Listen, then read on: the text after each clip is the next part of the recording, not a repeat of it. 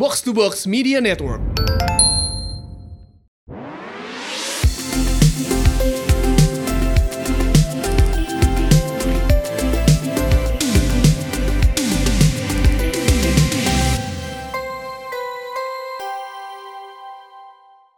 Hi ladies, welcome back to She Talks About Podcast bareng gue Elrika Dan gue Mandy. Dan hari ini Sudah terlihat ada Andra Alodita, welcome. Thank you Elrika, thank you Mandy, Thank thank, you. you Shut for coming. Ra. Thank you for having me. Seneng banget, akhirnya ketemu lagi, Lagi. setelah eh, berapa lama? Sebelum pandemi ya.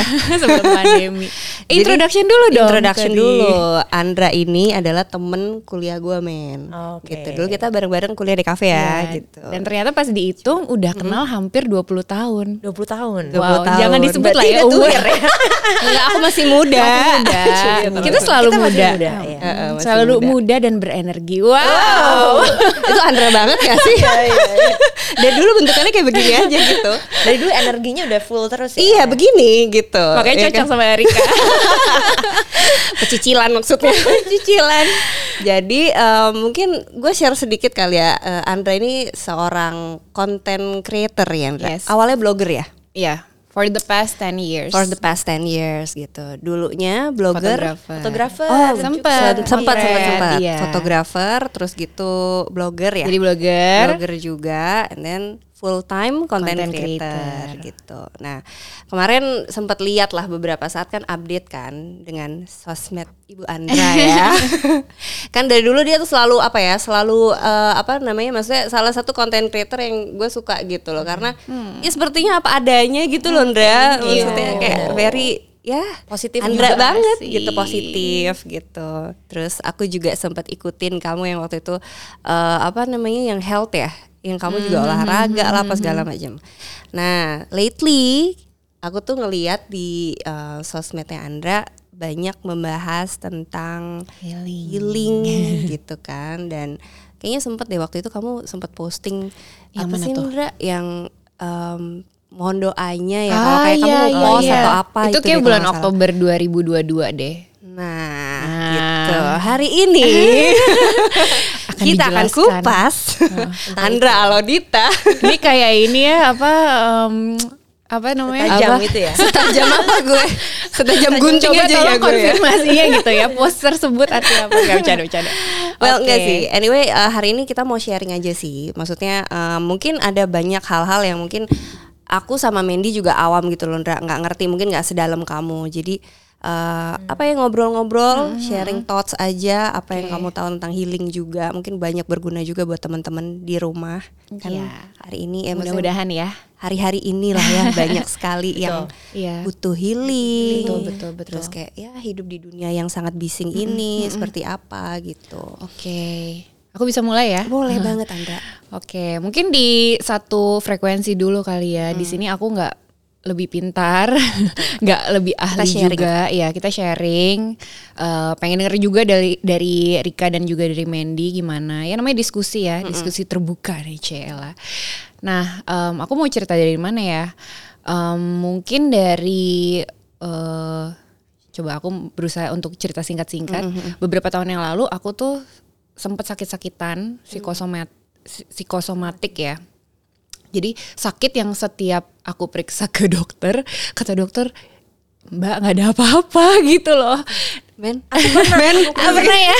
pernah. pernah ya kayak hampir semua orang yang eh, semua orang yang aku kenal di kehidupan kota yang hidupnya di kota tuh hampir pernah mengalami sih gitu. Ya singkat cerita aku berapa kali gitu ya masuk ke UGD terus dokter bilang, "Bu, nggak ada apa-apa gitu. Kayak stres ya, Bu." gitu. Ini apa sih kosomatik ya gitu.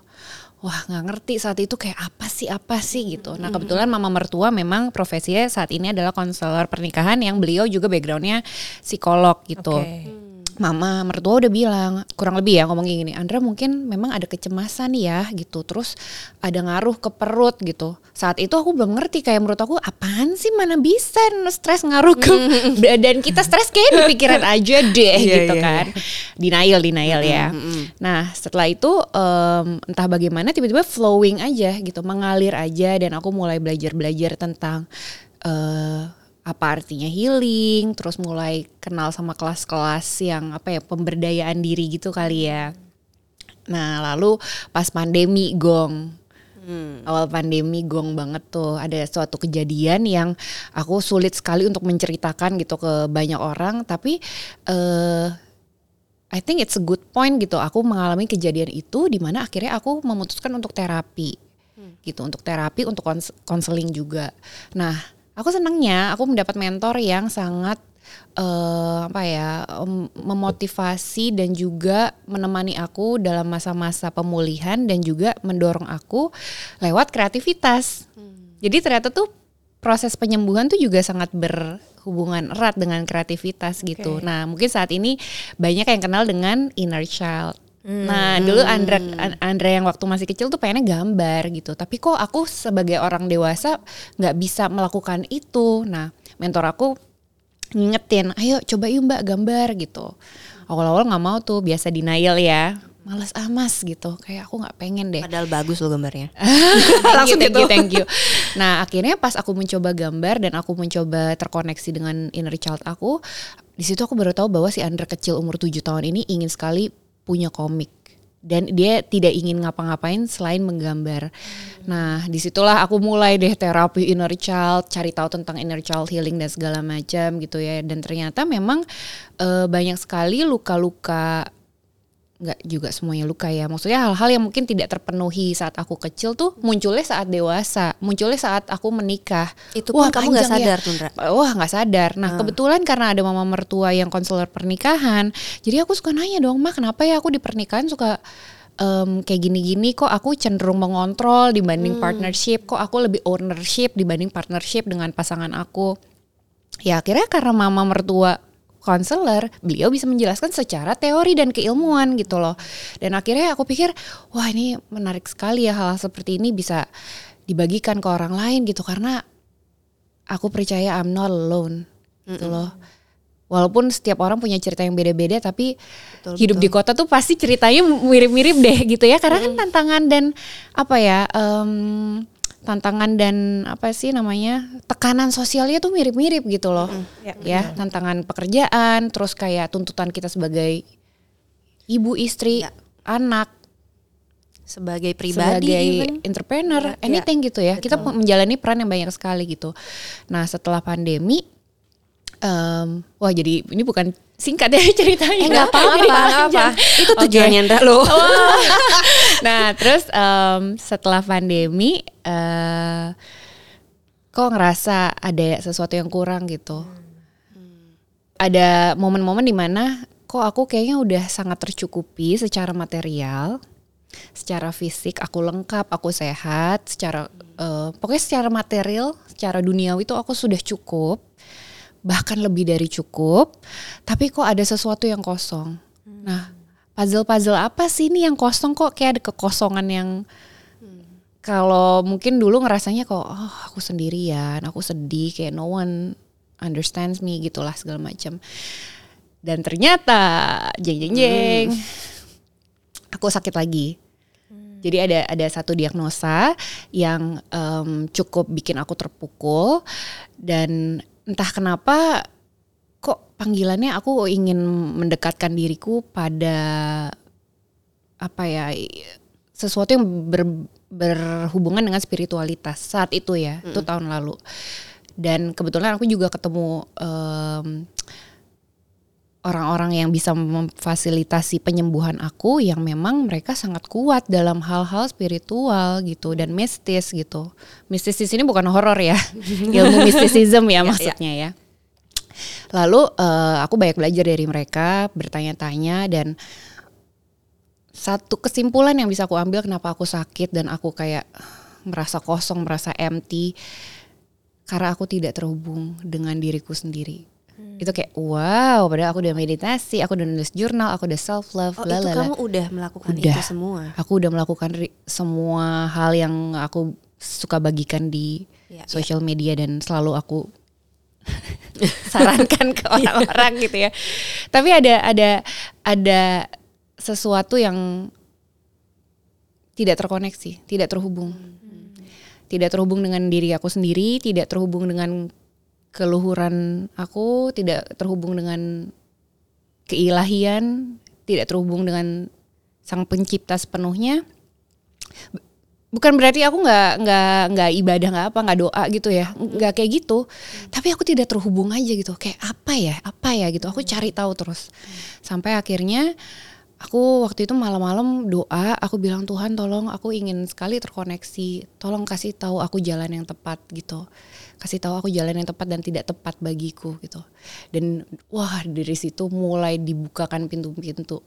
Dan aku bisa cerita banyak hal yang aku juga berusaha untuk pelan-pelan tinggalkan ya gitu. Kayak oh, ada ada project-project yang kayak kurang selaras. Aku mulai kayak say no. Aku belajar say no. Ajakan-ajakan orang untuk kayak hang out aku mulai say no. Bukan aku nggak mau bergaul tapi kayak kayak I need I need apa butuh space deh aku butuh space gitu. Jadi selama setahun terakhir aku nggak punya eh, ruang dan waktu untuk diriku sendiri sampai aku tuh terdiskoneksi gitu lalu ternyata di situlah mulai perjalanan penyembuhan pemulihan aku yang sekarang aku bisa sebut dengan term yang aku dapat dari mentor aku saat ini yaitu healing through transformation penyembuhan lewat transformasi. It's a powerful term for me.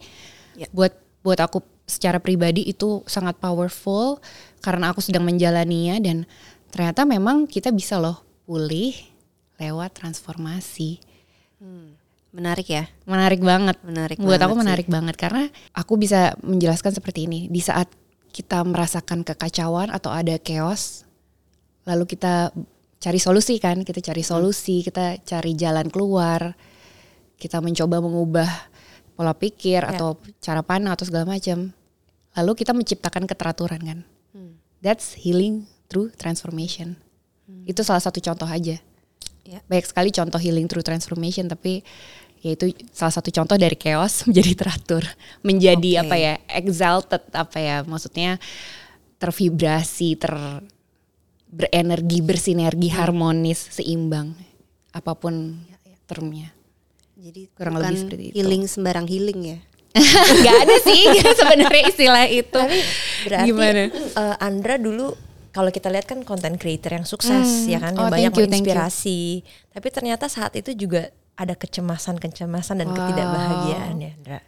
Dari tapi dalam diri ya kamu. aku mungkin bisa dibilang kelihatan sukses kelihatan happy karena mungkin aku eh, pintar menyembunyikannya kali Iya, ya iya. ya kan kalau aku pernah baca em, katanya orang itu sebenarnya struggle-nya atau tantangan hidup itu hampir semua sama tapi Iya. ada orang yang memang pintar menyembunyikannya atau memang dia tidak mau kasih lihat gitu tapi sebenarnya kita punya struggle masing-masing ya tetap kan bayar pajak bayar listrik betul betul. Sama ya. ya kan sama nggak Karena dari tadi macet Andra ngomong kayak aku relate gitu. Coba. loh. Maksudnya Ya, ya. kayak ya ngerti Gimana? banget sih kayak kita kan jadi seorang ibu, seorang istri, seorang entrepreneur, pemimpin misalnya gitu kan. Banyak lah bukannya nggak mau bukannya fake it ya, tapi kan sebenarnya dalam hati kita tuh yang tadi Andra bilang ada kekosongan. Iya. Terus mungkin ada pertanyaan kayak Justru itu kita nggak tahu apa Iya. gitu kan. Banyak sih yang kayak tapi goalnya tuh sebenarnya satu ya. Tujuannya apa sih Indra? Kayak pengen happy gitu ya. Pengen merasa penuh. pengen apa? Fulfill atau gimana? Ndra? Wow, ya. Goal em, bukan goal apa ya? Hmm, tujuan hidup kali ya. Bisa dibilang. Bisa dibilang tujuan hidup. Kalau aku ya yang yang aku pelajari akhir-akhir ini adalah kalau goal tuh kayak aku ingin sukses, income aku berapa gitu ya. Aku ngeliatnya kayak sep- sekarang seperti itu. Tapi tujuan hidup aku untuk menjalani peran aku sebagai misalnya entrepreneur, sebagai businesswoman atau sebagai istri itu tuh ingin apa sih? Nah, aku baru menemukan juga nih jawabannya.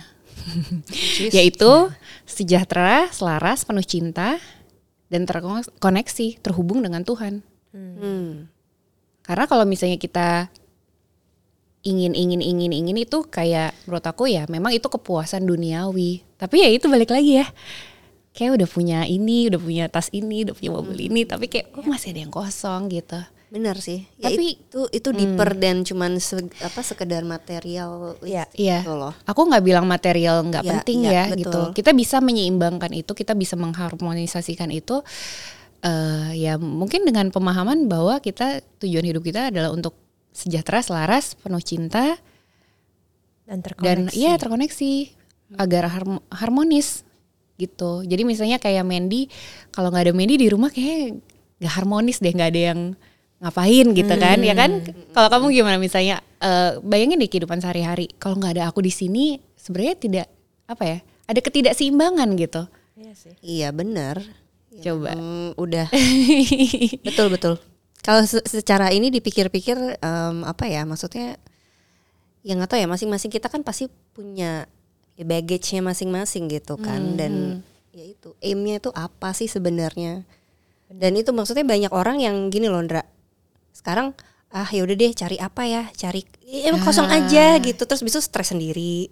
Habis itu nanti ya itu yang tadi kamu bilang bisa mental health lah terus nanti larinya ke mana lah gitu loh. Iya iya iya. Nah mungkin kalau misalnya apa ya ada ya knowledge inilah ya mungkin Andra bisa bagiin juga ke teman-teman kayak eh, apa sih yang mungkin mereka bisa lakukan untuk mendiagnosa atau mungkin menemukan kali ya yang why-nya dia atau apa yang mau apa yang dia tuju tuh apa itu gimana Andra awalnya kamu tuh gimana? Wow. Em, kalau itu aku mungkin akan berbagi secara pribadi aja kali ya. Mm. Em, yang paling simple kalau dulu aku ngelakuinnya adalah waktu aku masih zaman zamannya belum tahu healing ya self love gitu. Cari tahu apa minatnya gitu. Apa minat yang aku suka. Itu tuh udah paling simple. Yang aku suka tuh apa. Terus eh, biasanya aku sampai sekarang pun juga bertanya gitu ke diri aku. Kamu mau ngapain hari ini gitu. Apa yang bisa bikin kamu bermanfaat hari ini. Itu pertanyaan basic banget yang aku sama suami selalu saling mengingatkan gitu. Kita mau ngapain hari ini gitu. Setiap hari begitu. Iya, kayak misalnya aku eh, mau ke sini ke tempat ini gitu untuk berbagi lewat podcast She Talks About agar ceritaku bisa bermanfaat gitu. Paling nggak bermanfaat untuk satu dua orang aja, udah bikin aku ngerasa Ya. full gitu, udah ngerasa whole gitu. Kalau kata Mandy tadi kan, Keren banget sih. Iya gitu, sesimpel gitu aja, kayak mi- kasih niat baik gitu. Dan aku jadi keinget nih ada satu kata-kata ya dari em, kitab Veda. Wah ini kata-katanya bagus banget. Jadi em, jadikan hidup ini sebagai persembahan bagi sesama. Mirip ya men? Mirip. Mirip Kalau di kalau dari Christian ya. kan, Iya. Kalau kita kan Christian kan- Christian. Mirip-mirip.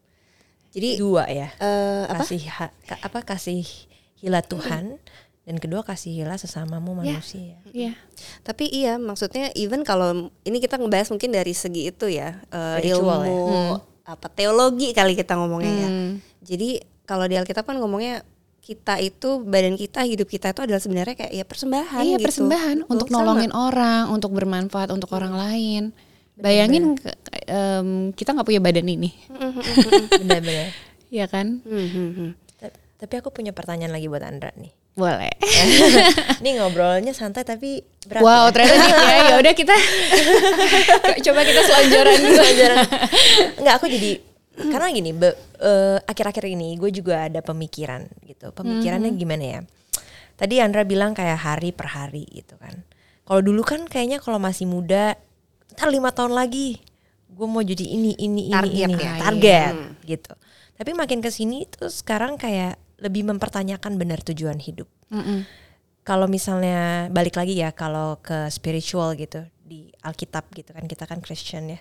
Kan Tuhan bilang kita harus hidup hari per hari. Hari per hari, bukan jangka Iya, panjang ya. betul.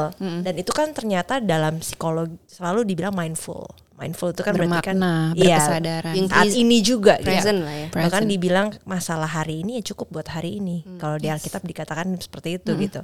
Besok ada masalahnya sendiri gitu. Cuma jadinya setiap hari aku jadi berpikir kayak iya benar sih kayak tujuan hidup gua apa ya gitu. Hari ini ngelewatin hari ini terus besok gimana? Tapi kan kalau misalnya Iya. nggak ada excitement buat besok juga hari ini juga jadinya nggak terlalu berarti. Nah kayak gitu menimbangkan seperti itu enggak? Nah apakah Iya, Andra iya, iya. sekarang ini memang hidup hari per hari Mm. atau masih ada nih kayak oke nanti next week atau lima tahun lagi Pasti, kayak- atau kamu lebih yang oke menjalani setiap Lebih hari slow ya, gitu loh. lebih slow Lebih Ah, mengikuti iya, iya, iya. alur. iya Nah, kebetulan aku juga orangnya kayak kalau di kehidupan urban gitu ya, selalu ada Ambi ya. planning ya. Iya. Selalu ada planning. Tapi dari dulu dia aku taunya kamu tuh orangnya memang terplanning sih. Terplanning, terus pengen punya goal lima Ya. tahun ke depan, 10 tahun ke depan tuh apa. Aku orangnya sangat terplanning. Nah, sampai sekarang pun terplanning. Tapi yang membedakan adalah dulu aku sangat melekat dengan apa yang belum aku dapatkan. Oke. Melekat tuh kayak oke gue pengen jadi sukses, gue mau dapat income sekian atau gue pokoknya lima tahun lagi. Jadi aku menggenggam apa yang sebenarnya belum ada di Belum ada, realita iya. ini gitu. Oke. Nah setelah em, berjalannya waktu dan aku banyak belajar, banyak belajar meditasi, hening, lalu terapi, konseling segala macam, aku belajar lagi tentang bagaimana hidup di realita. Aku pun masih punya ilusi-ilusi tentang diri aku gitu kayak aku sulit sekali melepas image aku sebagai content creator sebelum setahun terakhir tuh aku kesulitan untuk melepas image itu karena bagaimana ya kalau aku sekolah lagi orang ngomong apa ya? Itu ilusi. Em, orang bilangnya beda-beda ya kayak ada termnya tuh ada yang bilang ilusi ada yang bilang kayak apa ya namanya persona Oh. gitu-gitu loh. Jadi sebenarnya mirip-mirip ya maknanya. Nah em, ya saat ini aku nggak terlalu melekat gitu. Berusaha untuk apa ya nggak berusaha juga ya. Belajar untuk tidak melekat dengan apa yang belum aku punya gitu. Belum aku miliki atau belum aku rasakan gitu. Jadi hidup di realita aja. Sesimpel eh misalnya kayak sehari mau meeting 8 kali. Realitanya adalah aku harus jemput anak terus aku kan harus harus kena macet. Kayaknya aku nggak sanggup deh aku tidak menyanggupi. Ya udah realitanya kayaknya aku sanggupnya tiga meeting aja deh gitu. That's my reality Iya, gitu. iya, iya. jadi Tapi eh, penting iya kayak itu. ilusinya adalah misalnya gini kita nonton di sosial media atau di platform lain gile tuh ibu-ibu anaknya segini bisa begini pak nggak pakai mbak wah gue juga bisa taunya stres banget Iya, gitu iya, kan Iya, benar-benar. itu realita mereka bukan realita aku gitu loh jadi aku berusaha hidup ya realita aku gimana karena kalau aku ngebandingin terus dengan orang-orang di depan aku orang-orang di samping aku aku nggak Dan nggak akan nggak pernah bisa habis-habis sih. mengse- gitu. bi- tidak bisa merayakan hari ini Betul, gitu betul. loh. Jadi itu yang miss banget selama ini kayak aku selalu ke- merasa kehilangan selebrasi-selebrasi kecil gitu ya. Simple happiness atau small Hmm. celebrations gitu Iya. ya. Karena aku selalu punya ilusi tentang sesuatu jadi ibu yang perfect, sua- punya suami yang seperti ini, punya rumah yang seperti ini, punya keluarga yang seperti ini. Itu ilusi aku gitu loh. Jadi ya udah sekarang realita aja. Tapi bagaimana kita bisa memaksimalkan dan mengoptimalkan realita kita. Wah. Yeay, thank you loh pertanyaannya. Kalau ada pertanyaannya nggak ada jawaban ini. Dari mana jawaban itu ya? Wah. Bercanda, bercanda. Tapi benar sih, maksudnya untuk eh, menyelaraskan itu semua. Tadi kan kita sempat ngobrol-ngobrol juga di awal kan sama Andra. Emang penting banget kita harus punya apa ya? Punya em, waktu khusus atau maksudnya memilah energi kali ya istilahnya ya, yang tadi kita obrolin. Gitu. Punya batasan sehat mungkin ya. batasan sehat. Benar juga sih, supaya nggak exhausted gitu loh. Betul. Cuman kan emosi itu kan flow ya. Kalau misalnya aku Iya. pernah ngobrol sama satu salah satu psikolog, emosi itu netral katanya. Mm-mm. Jadi kan sometimes kan kita bangun pagi itu kan bisa semangat, Iya iya iya. bisa low. Ya nggak tahu kadang-kadang kalau kita apalagi cewek ya mau dapet Hormonal bulan, ya. hormon Hmm. bisa rasa sedih tanpa sebab itu tuh bisa you know kayak tapi kadang-kadang kan untuk bisa makanya kita kan hidup di kota kita ganti. Kita nggak mau ngerasain itu kan. Kita nggak Ya, mau seolah-olah kita tidak mau merasakan itu iya gitu kita nggak ya. suka perasaan sedih. Kita nggak suka perasaan Ah, iya. itu kita ganti dengan "Ah, kita ngapain ya? Makanya banyak mungkin kesenangan semu ya. Kayak Larian ya. Pelarian. pelarian kita mungkin hangout atau kita kerja. Yang penting pokoknya Do something. Ada yang cari adrenalin juga. iya Uh-huh. karena gue nggak mau ngerasain yang perasaan gak enak itu sedangkan kan perjalanan mengenal diri sendiri tuh sometimes we have to face it yang Iya. bahagia dan yang gak enak kan Andra gimana Andra makanya kita kan hidup di kota kita ganti kita nggak mau ngerasain itu kan kita nggak Ya, mau seolah-olah kita tidak mau merasakan itu iya gitu kita nggak ya. suka perasaan sedih kita nggak suka perasaan Ah, iya. itu kita ganti dengan "Ah, kita ngapain ya makanya banyak mungkin kesenangan semu ya kayak Larian ya. pelarian, Pelarian. pelarian kita mungkin hangout atau kita kerja yang penting pokoknya Do something. Ada yang cari something, adrenalin juga. iya Uh-huh. karena gue nggak mau ngerasain yang perasaan gak enak itu sedangkan kan perjalanan mengenal diri sendiri tuh sometimes we have to face it yang Iya. bahagia dan yang gak enak kan Andra gimana Andra Nah itu yang tadi aku cerita sih. itu tuh. Tidak Challenge-nya tuh, terkoneksi dengan diri karena aku pelarian. Hmm. Jadi em, mungkin ada rasa sedih, tapi rasa sedih itu tidak sendirian ternyata. Jadi aku cuma mau meng- apa mau mau berhadapan dengan rasa sedih yang ternyata rasa sedih itu wah menyimpan banyak hal gitu. ada turunannya lagi. ya. Turunannya lagi dan em, memang itu tantangan terbesar sih buat kita yang hidup di kota gitu yang di mana kesenangan semu tuh banyak banget gitu. Kita bisa dapatkan dalam genggaman. Bete Iya. nih scrolling. Boring bosen nih scro- scrolling atau kayak buka apa pun lah gitu. Atau kayak apalah gitu. Iya, iya. tapi kita tidak diajarkan dari kecil tidak diajarkan untuk duduk dan menghadapi perasaan kita. Itu yang aku pelajari dari meditasi dan mindfulness gitu. Dan ya sama seperti yang tadi Mandy bilang emosi bisa dibilang netral tapi reaksi kita yang tidak netral. Setuju ya kan? sih. trigger Setuju, gitu betul. kan. Ya jadi mungkin misalnya gini kayak buat Mandy itu sesuatu yang biasa buat Elrika itu sesuatu yang biasa tapi kenapa buat Andre itu kok bikin ngamuk-ngamuk banget gitu kan? Atau bisa tiba-tiba nangis banget itu Hmm. Benar, kan benar, karena benar. kita hidup tuh em, melewati banyak hal gitu ya ada apa mau ada memori ada luka batin ada Hmm. trauma ada mungkin rasa sakit atau emosi yang ketrap di badan kita gitu kan jadi ya Oke. wajar aja dan salah satu yang aku juga berusaha latihan setiap hari adalah duduk hening karena em, sulit sekali sih untuk duduk hening punya ruang space gitu ya di di dalam eh, kesadaran kita gitu ya. Punya mendapatkan ketenangan itu ya menantang buat aku. Jadi berusaha untuk duduk hening aja. Kalau lagi mau reaktif juga Mhm. coba dulu duduk hening. Ini apa ya? Apakah emosi ini milik aku? Apa yang mengingatkan aku pada kejadian ini gitu? Karena kadang-kadang reaksi kita kayak aku sering marah sama anakku karena aku ke-trigger Nah. ke-trigger dari masa lalu aja gitu Oh. pas udah tenang baru oh iya keinget sesuatu hmm sebenarnya anak gue nggak salah ya gitu loh Lu gimana? Lu ada waktu tenang gak setiap hari? Eh, Kayak tiap hari gitu tuh ada gak sih kayak waktu Enggak. tenang? Susah ya? sekarang justru ya itu dia karena waktu kita tenang itu kita menghadapi diri kita kan. Yeah that's the hardest part Iya, that's the Kebanyakan hardest part lari ya. for me gitu. Eh, Ya. Kayak kalau tenang gitu, anggaplah kayak sekarang berdoa aja tuh gue tuh kayak nggak yang berdoa Kusyuk di gitu. kusyuk gitu, tapi lebih kayak ngobrol karena nggak tahu ya ketika diem, ketika menghadapi adalah trauma-trauma hidup gitu kan. Setiap orang pasti punya. Itu kayak nggak enak gitu. iya memang kayak nggak enak gitu. Tapi I know cepat atau lambat pasti harus dihadapi kan. Hmm. Kalau Andra sendiri gimana Andra? Proses kan sekarang kan kamu juga masih apa ya masih belajar juga kan Iya, banyak masih banyak kelas belajar. yang kamu attend gitu kan. Proses kamu sekarang eh, untuk healing through transformation yang tadi kamu Oke. bilang kira-kira udah berapa persen tuh?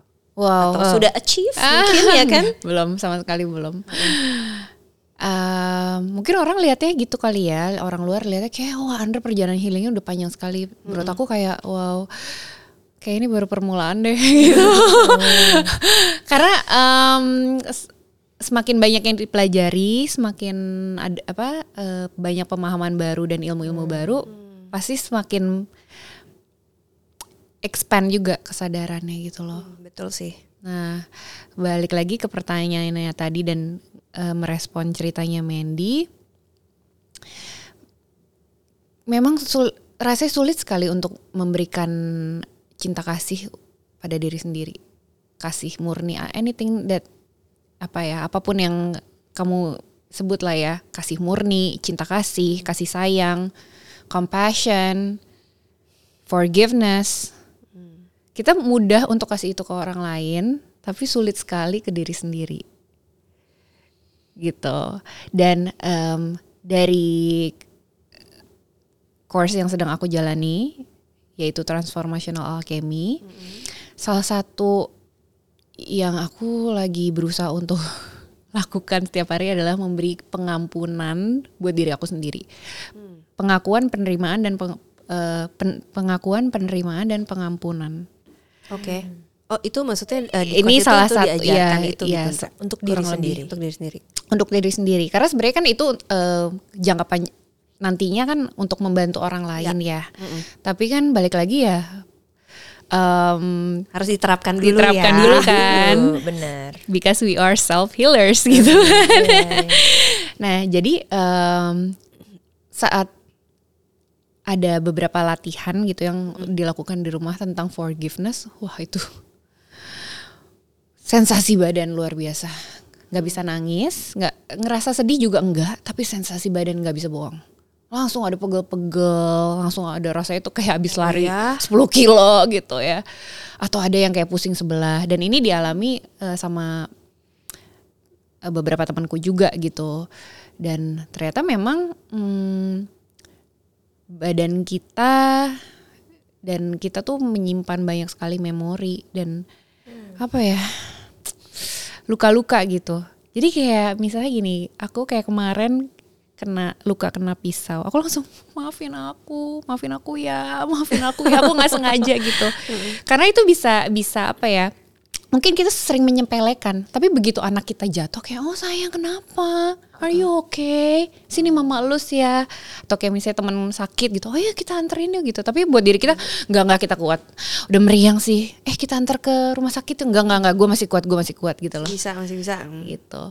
Jadi eh apa ya? Ya itu ya mungkin karena balik lagi karena peran kita. Tapi ya aku belajar jujur sama diri sendiri dengan badan, dengerin badan. Ngerasa light atau heavy? Rasanya ringan atau berat kalau untuk melakukan ini gitu. Terus ada sensasi badan nggak gitu saat merasakannya gitu. Jadi kayak sekarang em, di saat aku ada trigger atau ada sesuatu, aku akan bilang maafin aku ya. Kadang-kadang sesuatu yang terjadi di masa lalu kan juga karena kesala- kesalahan kita ya. Jadi aku bilang maafin aku yang dulu ya gitu. Erika sama Mandy pernah em, familiar nggak dengan Ho'onopono prayer? Jadi ini adalah ancient prayer dari Hawaii. Oh oke. Ya dijadikan nyanyian juga di YouTube, di platform di Spotify juga banyak. Jadi em, Ho'onopono prayer ini sangat powerful. Kat, konon kata orang-orang, isinya hanya I'm sorry, please forgive me, thank you, I love you. It's so powerful. Tapi kayak begitu kita coba ngomong ke diri kita, ke badan kita, ke inner child kita, ke inner teenager kita, pokoknya ke diri kita sendiri gitu ya. Wah itu iya iya iya. langsung ambiar gitu. Ambiar. Itu mungkin ambiar. harus dalam you know. It's okay, take your time gitu. Dan aku satu hal yang aku pelajari juga dalam perjalanan healing aku, kita nggak mesti punya target kapan harus pulih, kapan harus sembuh, karena itu tidak Itu. Tidak ada targetnya. Dan enjoy aja, Iya iya. ya kan? Tadi kan Jadi Mandy juga sempat bilang kan, ya. Iya, tadi merespon Mandy juga ya sebenarnya hidup ini kan fluktu apa bukan fluktuatif ya apa nggak tahu gitu Iya, loh Betul. arahnya ke mana gitu kan selama kita punya value selama kita percaya dengan em, apa core belief kita gitu percaya bahwa ada kekuatan yang lebih hebat dibanding kita yaitu sang pencipta ya udah. Just go with the flow, Go with the flow fluid aja. gitu. Oke. jadi nggak usah kaku-kaku amat nggak usah melekat-melekat banget.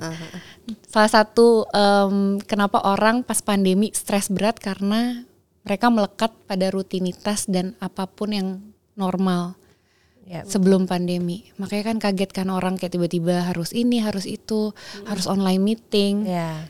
gitu kan Iya. begitu juga begitu sekarang sudah tidak pandemi orang kaget juga karena sudah melekat jadi kita nggak boleh melekat-melekat banget deh nggak boleh melekat-melekat banget ya. Iya, santai. Tapi susah ya, Santai men, ya. santai.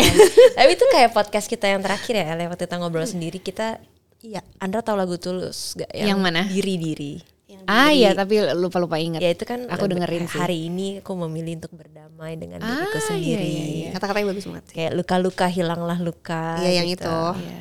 Ada deh. Kemarin kita bahas itu. Wow. Kita iya. bahas itu juga. Maksudnya gimana? Contoh satu, pernah aku nonton juga gimana cara kita tahu kita nih untuk apa purpose hidup kita kalau kita nggak connected dengan pencipta kita kan karena kan yang tahu kita ini Blueprintnya, iya desain blueprint kita sepenuhnya ya. itu kan adalah ya Tuhan ya. Itu kalau misalnya kita mau percaya itu gitu kan. Tapi kan namanya manusia ya kita sering mencari kebahagiaan kita sendiri. Kita pikir Dengan cara kita sendiri dengan cara gitu. kita sendiri. Kita pikir ini kita pikir itu. Tapi ternyata enggak. Iya. Tuh kan deep banget kan jadinya Ya gimana dong? Wow. Mau menjelasin tapi kayak aduh ini terlalu Gak apa-apa, ayo dong Dra, Jelasin, jelasin. Dra. Oke, oke, oke. Dengerin banget nih. Iya. K- Kan belajar nih, menyerap nih. Wow.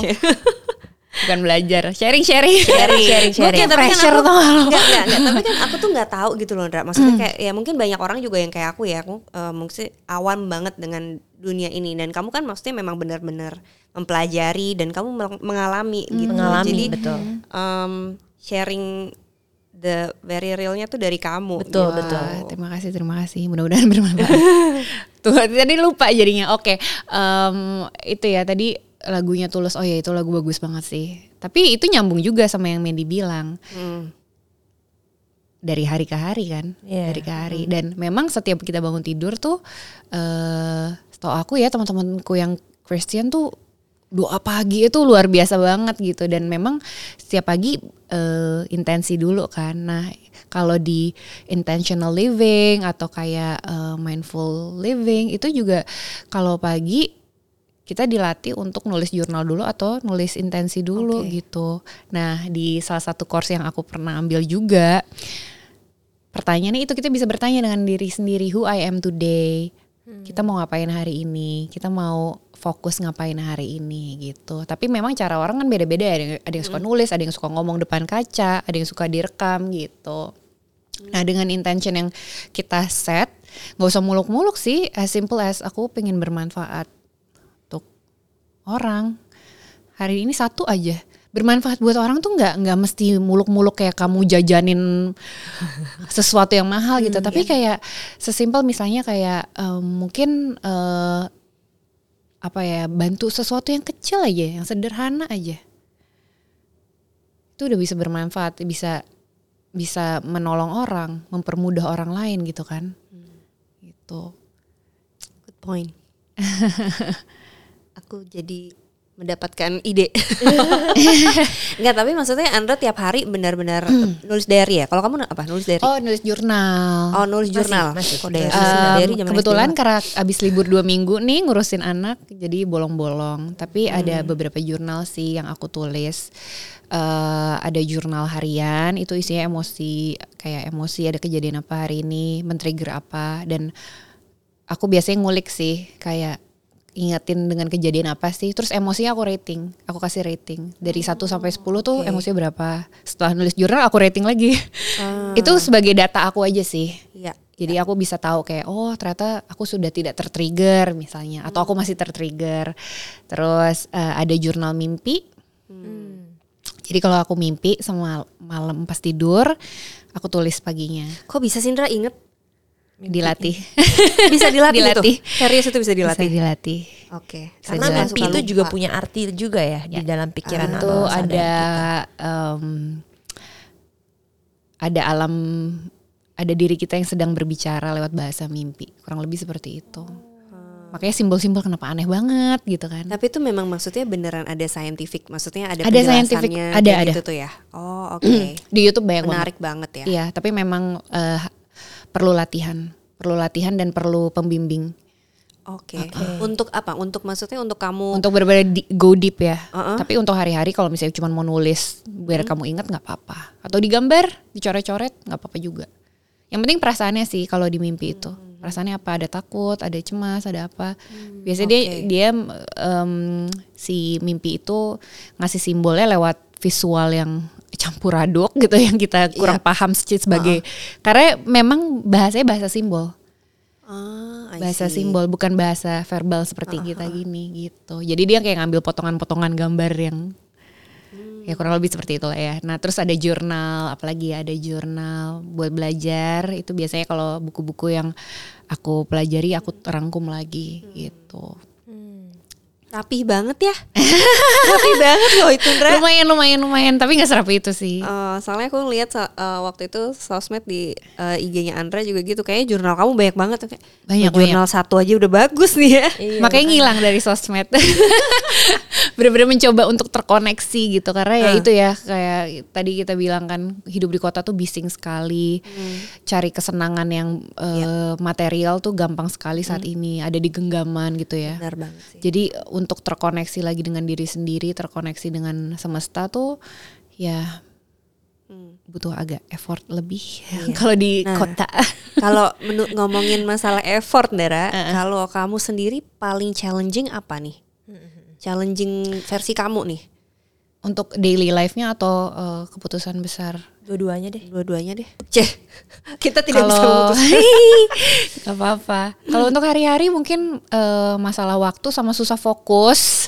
Ya ah, kan? iya, kayak di gini kayak aduh ya sama kayak tadi Mandy iya, bilang iya, kayak iya, susah menghadapi diri sendiri gitu loh. Terus eh, kayak misalnya aduh bosen atau misalnya aduh aku nggak kuat aku cari hiburan aja gitu. Itu challenge apa challenge-nya. Terus kalau untuk eh, pilihan besar kayak misalnya aku em, akhirnya memutuskan untuk pensiun dari dunia content creator. Eh, tantangan terbesarnya adalah diri sendiri.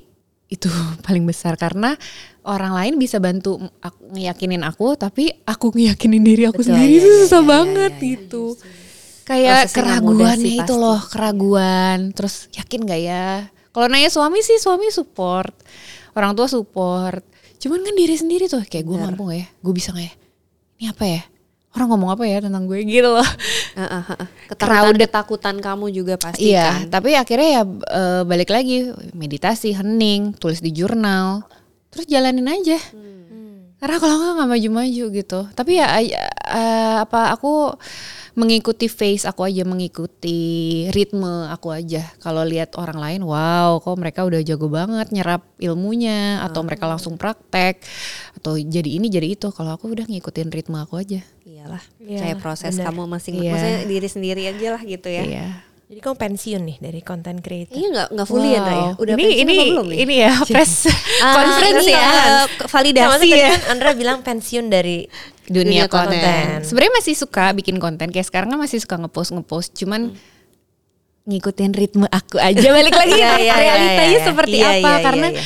eh, tumpukan buku dan paper harus diselesaikan gitu kan jadi kayak kok udah nggak kuat ya lima jam konten Berarti setiap post itu, maksudnya setiap eh, let's say kamu ke sosial media itu ada purpose-nya dong ya.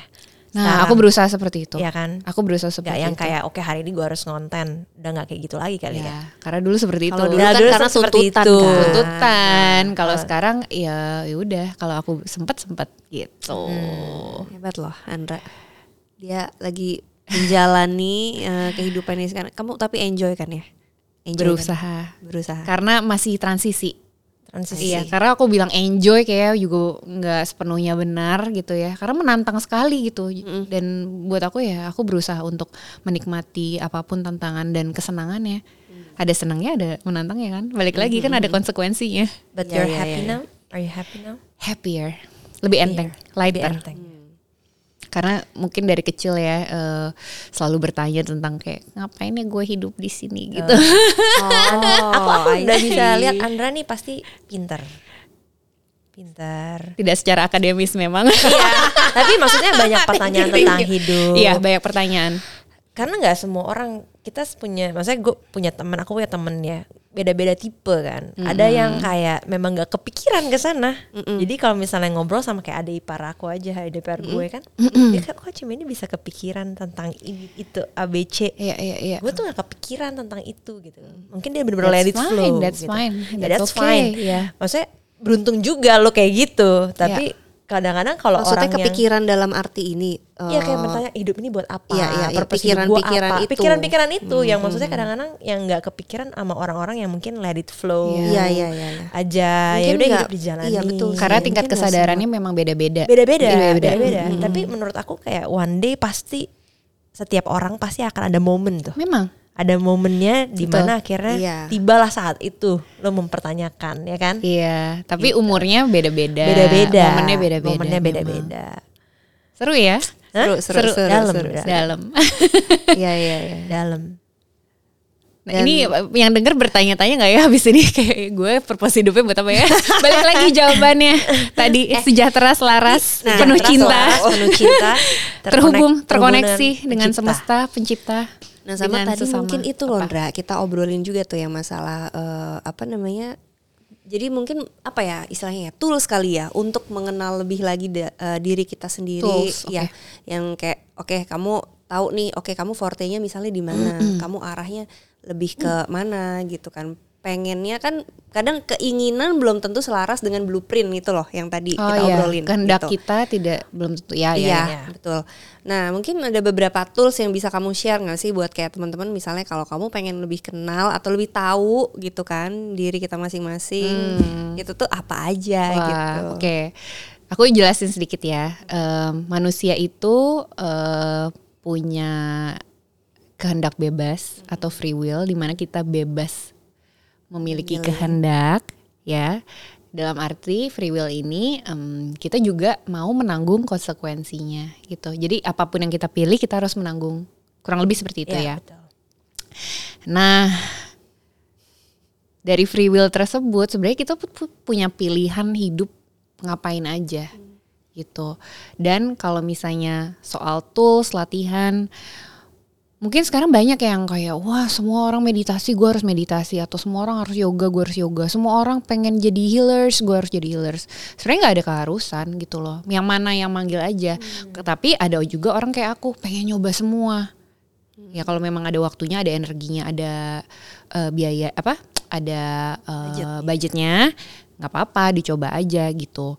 Dan memang tipe orang beda-beda sekali ya. Kalau ada yang satu udah satu man- mantep ada juga yang kayak aku nyoba nyoba nyoba latihannya adalah mencoba untuk hening dulu kali ya. Karena dalam keheningan kita mendapatkan clarity atau kejernihan Selain itu mendapatkan ketenangan dan kedamaian. Karena kalau cerita sama teman atau cerita curhat di sosmed, pasti orang akan punya sarannya masing-masing kan. Betul. Kamu gini Tambah aja, pusing. kamu kayak bagusan pakai baju pink Iya. dibanding Iya. pakai baju putih gitu kan. Tambah bingung. Aduh aku sukanya pakai baju hitam misalnya gitu kan. Akan terus-terusan gitu. Nah, bagaimana kita mendengarkan suara hati kita atau orang bilang inner voice, intuition, higher self, true self gitu. Nah, jadi menurut aku sekarang latihannya adalah coba hening aja dulu. Karena pas aku bilang meditasi aku nggak bisa meditasi bayangin kayak gitu. Iya benar, benar. Jadi aku akan Iya, bilang hening. Coba hening dulu yuk. Hening itu duduk tenang aja dengan jangkar atau anchor nafas.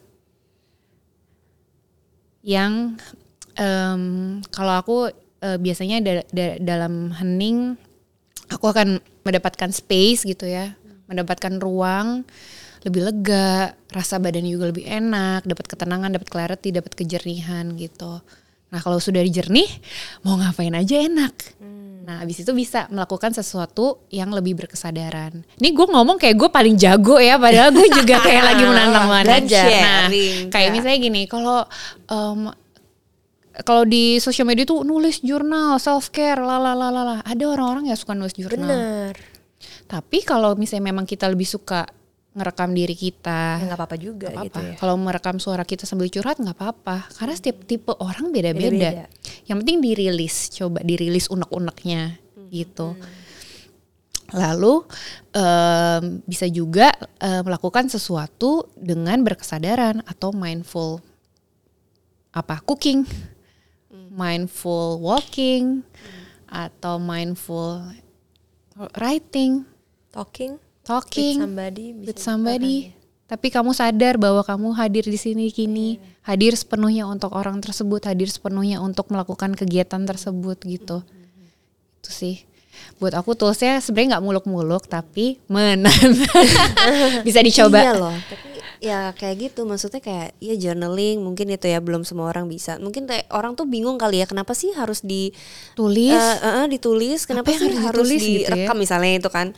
Nah, itu mungkin lebih ke tracking kali Andra ya. Iya. Lebih bisa cari apa lihat history kita seperti Uh-uh. apa gitu ya Andra. ya? Kalau aku kenapa nulis jurnal dan gambar karena aku eh, suka ngumpulin data tentang diri aku sendiri Hmm. karena em, sering bertanya kan aku nih siapa, tujuan hidupku apa, aku tuh mau ngapain gitu kan. Akhirnya aku ngumpulin data. Nah dengan data-data itu aku jadi tahu, aku jadi kenal dengan diri aku sendiri. Kebayang nggak kayak zaman dulu orang nulis biografi, terus kita baca biografi yang dibukukan, iya, kita iya, jadi iya. tahu nih kayak Diary of Anne Frank, ya kan kayak Diary of siapa gitu. Nah sekarang kira kita udah sibuk, udah lupa dengan segala kegiatan kita tuh kita kadang lupa aja, tidak terkoneksi. Dan itu salah satu cara aku untuk terkoneksi dengan diri aku sendiri dengan mengumpulkan data. Dan kalau buat eh, aku yang dulu sering konseling, data-data itu aku presentasikan lagi ke terapis aku dan konselor aku untuk kayak eh ini kemarin emosinya sekian gitu. Atau misalnya aku gambarnya kemarin seperti ini tapi sekarang aku udah lebih enakan gitu. Jadi ngumpulin data tentang diri sendiri. Karena kita sering banget riset tentang hal-hal di luar diri kita tapi kita suka kesulitan sering kita sering kesulitan dan ter- sangat menantang untuk riset diri sendiri. Benar sih. makanya jadi kayak, kayak kalau lo sukanya apa? Iya. gua nggak tahu gua nggak tahu nih gue mau apa. Karena kita nggak ada riset kita nggak ada data tentang diri kita sendiri. Nah kayak misalnya astrologi human design itu data. Nah, data dan peta yang punya teritorinya kita itu bisa buat riset juga ya, Iya. gitu untuk diri sendiri. jadi kan riset seneng-seneng aja Iya benar sih. Waktu itu gue juga ikutan. stres loh. enggak, enggak, enggak riset no pressure gitu ya No pressure. ditulis dulu Iya, kan iya, tension iya, iya, iya. Tahu banyak malah lebih stres kadang-kadang kan. iya Iya, makanya balik lagi mungkin mindset ya, Eh, balik lagi itu gitu. Jadi kayak kemarin mungkin kalau gue dulu ikutan yang human design pengen tahu aja sih sebenarnya gitu. Kayak oke lebih ke afirmasi kali ya. Gue tuh Iya, sukanya iya, ini arahnya iya. ini. Aduh bener gak sih gitu. Jadi menurut gue tuh kayak lebih mem- bukan membuang sih kayak ya mungkin cut off kali ya sedikit eh, cabang-cabang yang mungkin seharusnya oh ya udah deh nggak usah ke cabang yang itu. Yang memaksimalkan potensi aja ya. gitu. Bener gitu. Ya bisa dicoba. Bisa dicoba ya. Apa pun caranya ya pokoknya asal tidak merugikan diri sendiri dan orang lain dan Nah, lingkungan lah ya, jujur dengan Betul. diri sendiri. ya. Iya, Oke, supporter terbesar Andra dari siapa Andra? supporter. Wow, kalau dalam dunia, cie Dalam dunia, dunia. ya kan? Kalau misalnya yang di atas banyak, Iya, yang di dunia juga banyak. Tentunya pasangan paling pertama, terus eh anak yang very supportive juga. Ini aku tinggal-tinggal sekolah. terus eh, orang-orang terdekat dan juga, aduh, mertuaku sih. Luar biasa ya. Kayaknya mertua kamu mertua aku karena benar-benar mengubah hidup aku sih jadi aku sekarang tuh tahu kayak kenapa gue harus menikah dengan dia dan gue punya mertua kayak beliau gitu iya mama papaku juga very supportive aku nggak bilang kayak mereka nggak ini ya cuman mertuaku tuh dengan ilmu-ilmunya sangat-sangat Sangat luar biasa juga ya. ibu Rani Anggreni Iya iya. Mungkin bisa kita undang habis ini ya. oh please Iya loh. please please please Kalau nggak salah aku suka Iya. lihat juga em, beliau suka sharing tentang Iya. marriage gitu. Iya, Jadi bisa. Nulis buku juga Iya, ya. menulis Ah, ah. buku. Tapi Gitu. tinggal di Jakarta Andra. Jakarta Boleh lah men. Boleh, kita boleh. belajar loh. Kita Abis ini belajar. episode berikutnya Cie, kok gue yang ngatur tidak boleh Bisa, melekat coba enggak? aduh Tapi nggak kita tuh penting maksudnya em, belajar apalagi dengan yang eh, kayak mertua kamu gitu kan memang udah tahu ilmu dan menerapkan gitu loh. Iya, itu dia. Jadi real gitu kan. Beruntung lah. Beruntung loh Ndra. Tapi aku Aduh, percaya beruntung sih banget sih. setiap setiap apa ya, setiap dari kita itu tuh ya Tuhan tuh pasti mengarahkan ke path yang memang kita tuh udah ya udah di Iya. situ gitu. Kecuali emang kitanya yang bandel ya. Gak juga sih orang yang mungkin bikin kita sakit hati atau yang merugikan kayak kita gitu itu juga, datang faktor eksternal ya. em, karena energi kita. Oh, Iya. energi. Iya, karena energi kita atau mungkin ada sesuatu dalam diri kita yang belum selesai. Jadi misalnya ada orang yang menyakiti kita, oh ternyata kita belajar sesuatu loh dari dia gitu. Kalau kita terus menyalahkan ya nggak selesai-selesai. Tapi kalau kita bisa memetik pelajaran dari orang itu, oke that's it, move on, gitu. Oke. Belajar Everything happens for a reason ya. Yes. Gue juga percaya itu banget sih. Pasti ada reason. Emang kayak, Uh-huh. kayak tadi Andra bilang menikah ternyata punya mertua yang sangat ini banget kan? gitu sama Andra. So udah Udah jalan di, ya udah di, udah jalan ya. So, Wow. Andra seneng banget. Senang banget. Mungkin for Thank closing you. ya. Thank you so Um, much loh for having me. iya, Udah lama aku gak ngobrol seneng. kayak gini jadi kayak wow keluar semua tuh tadi. Iya iya iya iya. iya. Mungkin for closing aku pengen nanya gini sih Indra. em, Iya, iya. selama perjalanan kamu gitu kan ya sampai hari ini gitu. Kira-kira message apa atau ya mungkin ya kata-kata apa yang pengen kamu sampaikan mungkin kepada Andra yang dulu Em, jangan cepat menyerah. cepat menyerah. Karena kalau Andra yang dulu tuh kayak ah cepat nyerah tapi Andra yang dulu juga memang pejuang sekali sih, memang memang selalu cari cara untuk berjuang gitu. Aku percaya itu. Iya, tapi memang eh, nyerah dulu. Jadi emang selalu kayak gitu nyerah dulu, nangis-nangis dulu baru kayak cari cara gitu. Jangan menyerah, Cie. Ya, Pasti penting ada itu nggak boleh jalannya. menyerah. Dan Oke. kalau misalnya aku bisa mengulang lagi tuh kayak chill aja, chill girl, chill girl, chill chill chill, you'll be fine gitu. Hal apa sih Indra maksudnya yang paling life changing banget gitu loh buat kamu yang kamu merasa gitu. yang kamu rasain Banyak sekarang. banget. Aku tuh controlling banget sih orangnya. Um, sampai sekarang masih ada dikit, tapi aku twist ke good things. Jadi kayak controllingnya lebih kayak planning, Hmm. nyiapin sesuatu yang buat gimana sih nyiapin sesuatu untuk anak sekolah, bikin struktur, bikin sistem gitu loh. Kalau dulu tuh bener-bener controlling over controlling gitu loh. Um, dan banyak hal lah yang mungkin kalau disebutin satu-satu udah jadi kayak nulis jurnal esai gitu. Tapi banyak hal yang memang um, aku pelajari dan akhirnya mentransformasi aku hingga bisa duduk di sini. Dan mungkin Ya, akan ya, ada ya. lagi transformasi transformasi berikutnya karena Yes. pernah kita selesai. selalu berevolusi, Betul, kita betul. selalu bertransformasi, Betul. ya kan? Fluid. Betul.